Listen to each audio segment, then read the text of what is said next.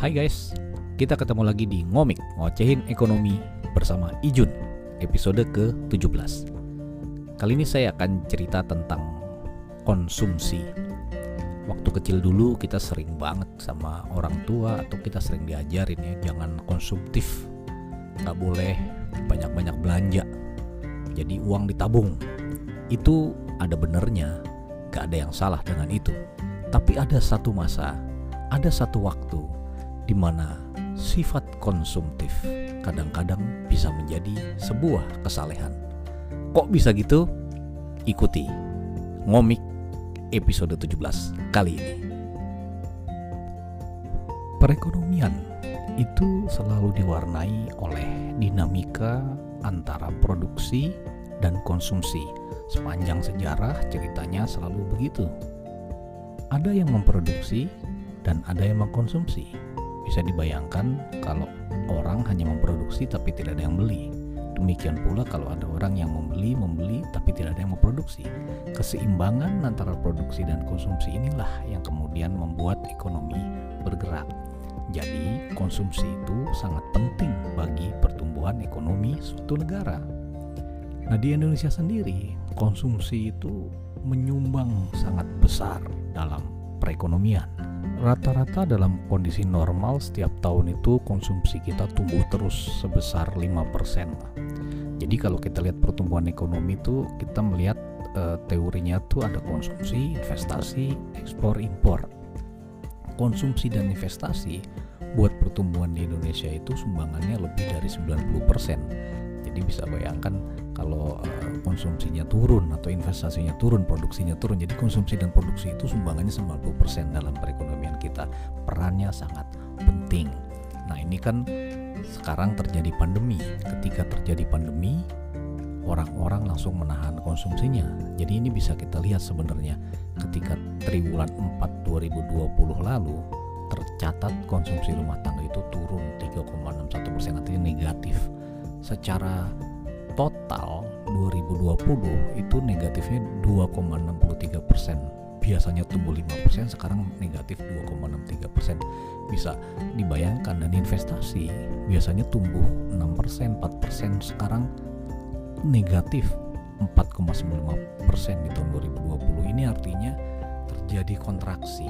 Jadi ekonomi kita turun uh, dan terasa. Dampaknya apa ketika konsumsi turun tentunya produksi ikut-ikutan turun dong. Karena kalau ngapain kita produksi ada yang nggak ada yang makan.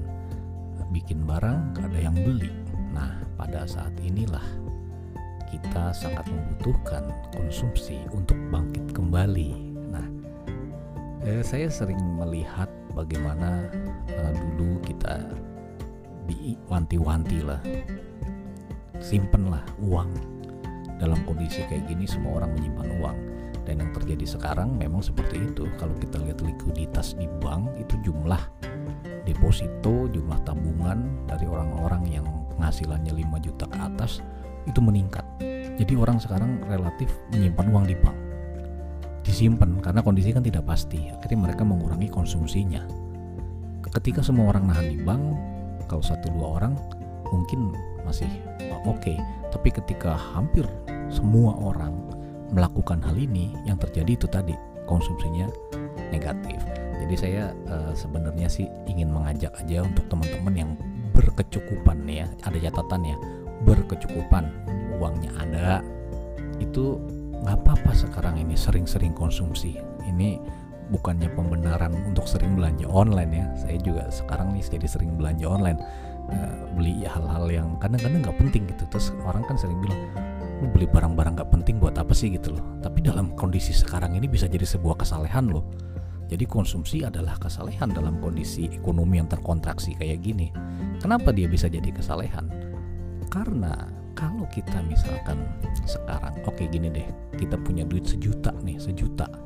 Uh, sejuta terus uh, mungkin dari sejuta itu 100 150 ribu itu oke okay lah kita pakai buat belanja gitu kan. Ya nggak ter nggak membuat kita miskin gitu kan. Jadi nggak penting juga gitu. Kadang-kadang ah aku mau beli masker model kembang-kembang ah gitu loh. Atau aku mau beli uh, makanan online itu uh, sekian lah ya 100 200 ribu lah kita beli makanan yang lucu-lucu gitu ya kopi-kopi kekinian gitu misalkan.